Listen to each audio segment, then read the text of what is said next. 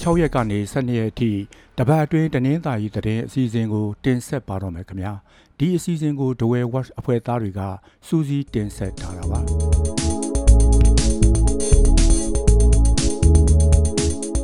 စစ်တပ်ကအာဏာသိမ်းပြီးလပေါင်း20အတွင်းတနင်္သာရီတိုင်းမှာအယက်သားတေဆုံးသူအရေအတွက်300နီးပါးရှိလာပါတယ်။ အာနာသိမ့်တဲ့2021ခုနှစ်ဖေဖော်ဝါရီလကနေအခုနှစ်စက်တင်ဘာလအထိအယက်သား193ဦးသေဆုံးရမှာအမျိုးသမီးက35ဦးလောက်ပါဝင်နေတယ်လို့ Southern Monitor အဖွဲ့ကထုတ်ပြန်ထားတာပါအဲ့ဒီအဖွဲ့ဟာတနင်္သာရီတိုင်းထဲဖြစ်နေတဲ့လူမှုစီးပွားရေးပဋိပက္ခအခြေအနေစစ်ဘေးရှောင်ပြည်သူများအရေးနဲ့လူအခွင့်အရေးချိုးဖောက်မှုဖြစ်စဉ်တွေကိုသုတေသနပြုနေတဲ့အဖွဲ့ဖြစ်ပါတယ်။ တဝဲလောင်းလုံးရေဖြူနဲ့တရချောင်းမြို့နယ်တွေမှာအယက်သားတည်ဆုံမှုအများဆုံးဖြစ်နေတယ်လို့ထုတ်ပြန်ချက်ကဆိုပါတယ်။အယက်သားတည်ဆုံမှုကိုရေတွက်ရမှာစစ်ကောင်စီတပ်ပြူစောတီစွန်ရဲအဖွဲ့တွေရဲ့တပ်ဖြတ်မှုအပြင်ပြည်သူ့ကာကွယ်ရေးတပ်ဖွဲ့ကတပ်ဖြတ်မှုကိုလည်းထက်သွင်းရေတွက်ထားတယ်လို့ထုတ်ပြန်ချက်မှာဖော်ပြထားပါတယ်။ လက်နက်ကင်ဆောင်ထားတဲ့အဖွဲ့အစည်းတွေအနေနဲ့အယက်သားထိခိုက်မှုအ ਨੇ ဆုံးဖြစ်အောင်စစ်ရေးကြိုးဝတ်တွေကိုအတတ်နိုင်ဆုံးလိုက်နာသင့်တယ်လို့လဲ Southern Monitor အဖွဲ့ကတိုက်တွန်းထားပါတယ်ဒီတစ်ပတ်ကတော့မြိတ်ခရိုင်ထဲပြစ်ကတ်တက်ခိုက်မှုတွေခက်ဆစ်စီဖြစ်ပွားခဲ့တဲ့ကာလလို့ဆိုရမှာပါ ပလောမြို့နယ်မှာတိုက်ပွဲတွေဇက်တိုက်ဖြစ်ပွားနေလို့ကြေးရွာကိုရွာကဒေသခံတွေထွက်ပြေးနေရပါတယ်အခုအပတ်ထဲဖြစ်ခဲ့တဲ့တိုက်ပွဲတွေကြောင့်ကတဲ့ပဝတ်ကုန်းစတဲ့ရွာတွေကဒေသခံတွေထွက်ပြေးနေရတာပါဒီလိုထွက်ပြေးနေရတဲ့အချိန်နိုဝင်ဘာလ10ရက်နဲ့9ရက်နေ့တွေမှာတော့နေအိမ်6လုံးမိရှုခံရတယ်လို့ဒေသခံတွေကပြောပါတယ်ဒါအပြင်ဒေသခံပြည်သူအချို့ကိုလည်းစစ်ကောင်စီတပ်ကဖမ်းဆီးထားတယ်လို့ဆိုပါတယ် မြိတ်ခရိုင်ထဲကကြီးရွာ၅ရွာမှာတိုက်ပွဲတွေဖြစ်ပွားခဲ့ပြီးအုပ်ချုပ်ရေးမှူးတဦးလည်းဖမ်းဆီးတပ်ဖြတ်ခံရတယ်လို့ဒေသခံတွေကပြောပါတယ်။တနင်္သာရီမြို့နယ်ထဲကထုံမခါဘန်းလမော့စတဲ့ကြီးရွာ၄ရွာနဲ့မြိတ်မြို့နယ်ထဲကတုံးပြောရွာမှာနိုဝင်ဘာလ6ရက်နေ့ကစစ်ကောင်စီတပ်နဲ့ PDF တွေတိုက်ပွဲဖြစ်ပွားခဲ့တာပါ။အဲ့ဒီနောက်မှာတော့ဘန်းလမော့ရွာရဲ့စစ်ကောင်စီခတ်အုပ်ချုပ်ရေးမှူးကိုပြည်သူ့ကာကွယ်ရေးတပ်တွေကဖမ်းဆီးခေါ်ဆောင်သွားပြီးတဲ့နောက်အသက်ခံလိုက်ရတယ်လို့ဒေသခံတွေကဆိုပါတယ်။ ပြစ်ခတ်တိုက်ခိုက်မှုတွေမှာနှစ်ဖက်ထိခိုက်ဒေဆုံးမှုအခြေအနေကိုမသိခဲ့ရပါဘူး။နိုဝင်ဘာလ9ရက်နေ့ကလည်းပလောမျိုးနယ်မင်းထိန်ရွာနာမှာ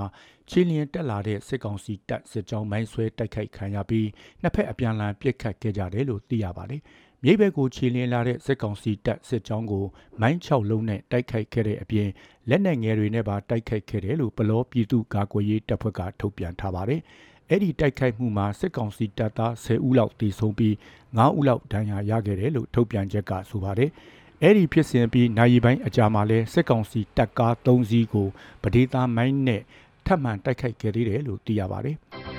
။နိုဝင်ဘာလ9ရက်နေ့ကလည်းပလောမြို့နယ်ထမင်းမစားရွာနာမှာကရင်ပြည်သူ့ကာကွယ်ရေးတပ်နဲ့စစ်ကောင်စီတပ်တွေတိုက်ပွဲဖြစ်ပွားခဲ့ပါတယ်။ ထမင်းမစားရွာနဲ့နှမ်းပယုတ်ရွာကြားမှာကင်းလာဆောက်တဲ့စစ်ကောင်စီတပ်ကိုတိုက်ခိုက်ခဲ့လို့စစ်ကောင်စီတပ်သား3ဦးတေဆုံးခဲ့တယ်လို့ထုတ်ပြန်ထားပါတယ်။မြိတ်တဝဲပြည်တော်စုလမ်းမကိုအတုံးမပြူကြဖို့ပြည်သူ့ကာကွယ်ရေးတိုင်ရင်တစ်ဘလောနဲ့မဟာမိတ်တပ်တွေကနိုဝင်ဘာလ9ရက်နေ့မှာထုတ်ပြန်ထားပါတယ်။ အဲ့ဒီလမ်းမကြီးဘော်ကဘလောမြို့နယ်ထဲမှာတိုက်ပွဲတွေခက်ဆစ်စိတ်ဖြစ်နေတဲ့အပြင်နောက်ထပ်လဲစီရေးအရှိန်မြင့်သွားမှာဖြစ်တယ်လို့ထုတ်ပြန်ချက်ကဆိုပါတယ်။ဒါကြောင့်မို့ပြည်သူတွေရဲ့လုံခြုံရေးကိုရှေ့ရှုပြီးအခုလိုထုတ်ပြန်ရတာလို့ဖော်ပြထားပါတယ်။ပြီးခဲ့တဲ့ရွေးကောက်ပွဲကကြက်ခံရေးပါတီကိုယ်စားလှယ်လောင်းအဖြစ်ဝင်အရွေးခံခဲ့တဲ့ဦးမင်းထွေးဟာနိုဝင်ဘာလ9ရက်နေ့ကတနတ်နဲ့ပြတ်သက်ခံလိုက်ရပါတယ်။ ဦးမင်းထွေးဟာတဝဲမြို့အခွန်လွတ်ဈေးနာကညောင်မင်းကြီးလမ်းဆုံမှာကားပေါ်မှာပဲပြစ်ဒတ်ခံရတာပါသူဟာ2020ရွေးကောက်ပွဲတုန်းကတိုင်းဒေသကြီးလွှတ်တော်တရချောင်းမဲဆန္ဒနယ်အမှတ်2ကနေဝင်ရောက်ရှင်ပြိုင်ခဲ့ပြီးရှုံးနိမ့်ခဲ့ပါတယ်သူ့ကိုတဝဲမြို့ပျောက်ကြားအဖွဲ့ကပြစ်ခတ်ရှင်းလင်းခဲ့တယ်လို့ထုတ်ပြန်ထားပါတယ် သူဟာစစ်အာဏာသိမ်းတာကိုအခွင့်ကောင်းယူပြီးလေယာမြေတွေကိုတရားမဝင်အကွက်ရိုက်ရောင်းပြီးကိုကြိုးရှာတာပြူစောတီခေါင်းဆောင်အဖြစ်လက်နက်ကိုင်းဆောင်ထားတာစတဲ့အကြောင်းအရာတွေကြောင့်ရှင်းလင်းလိုက်တာလို့ဖော်ပြထားပါတယ်။နိုဝင်ဘာလ9ရက်နေ့ကတဝဲမြို့ပေါ်ကကျမ်းမာရေးလမ်းမှာတနတ်နဲ့ပြတ်သက်ခံထားရတဲ့အမျိုးသားရုပ်အလောင်းတစ်လောင်းတွေ့ခဲ့ပါတယ်။ဦးကောင်းမှာတနတ်ဒဏ်ရာနဲ့တေဆုံးနေသူဟာအသက်66နှစ်အရွယ် ကျက်စားပြင်ရက်ွက်နေဦးကြည်လွင်ဖြစ်ပြီးနိုဝင်ဘာလ10ရက်ညကလူတစုကလာဖမ်းသွားတာပါသူ့ရဲ့ဇနီးဖြစ်သူကိုလည်းအခုနှစ်မေလကတဝဲမြို့ရှိကန္နာစည်းမှာ9ရောင်းနေချိန်တနက်နဲ့ပြစ်ခတ်ခံလိုက်ရပါတယ်။သူတို့ရဲ့သားဖြစ်သူဟာပြည်သူ့ကာကွယ်ရေးတပ်ဖွဲ့ဝင်တဦးဖြစ်တယ်လို့ဆိုပါတယ်။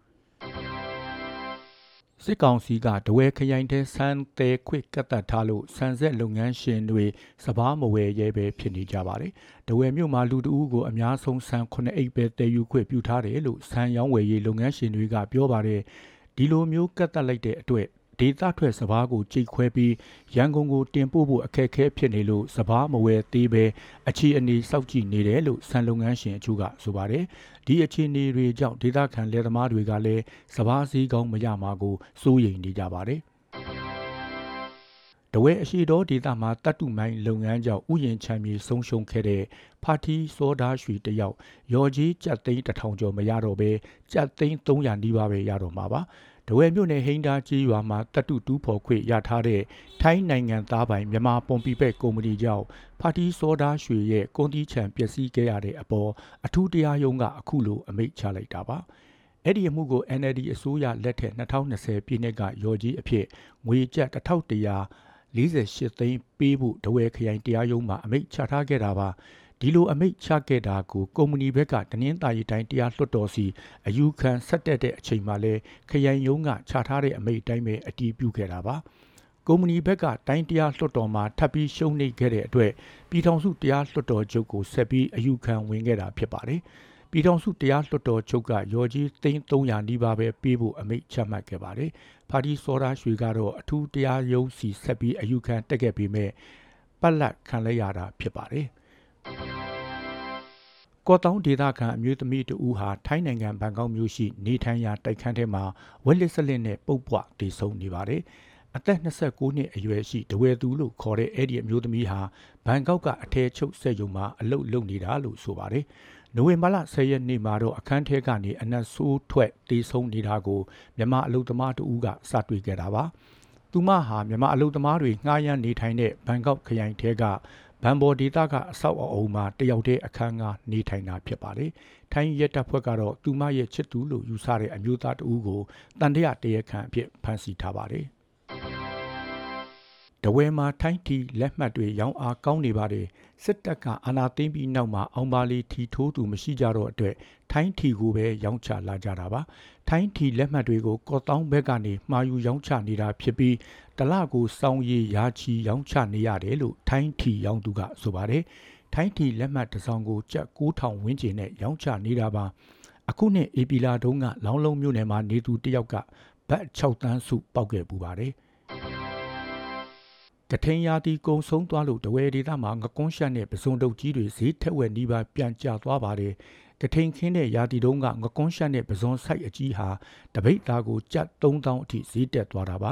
အခုတော့ငကွန်းရှက်တပိတ်သားကိုကြက်1000ခွဲဝန်းကျင်နဲ့ပစုံတပိတ်သားကိုကြက်2000ခွဲဝန်းကျင်ပဲကျန်တော့တယ်လို့ရေထွက်ကုန်ပစ္စည်းရောင်းသူတွေကပြောပါတယ်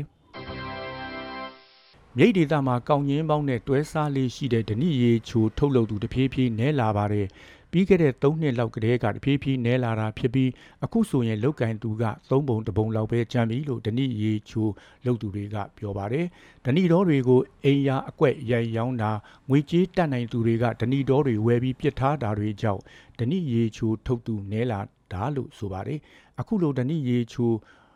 လုတ်တူနဲလာတဲ့အတွက်ဓနိရေချိုဈေးလေ1လီတာကိုငွေကျပ်1000ဝန်းကျင်လောက်ဈေးတက်သွားတာပါ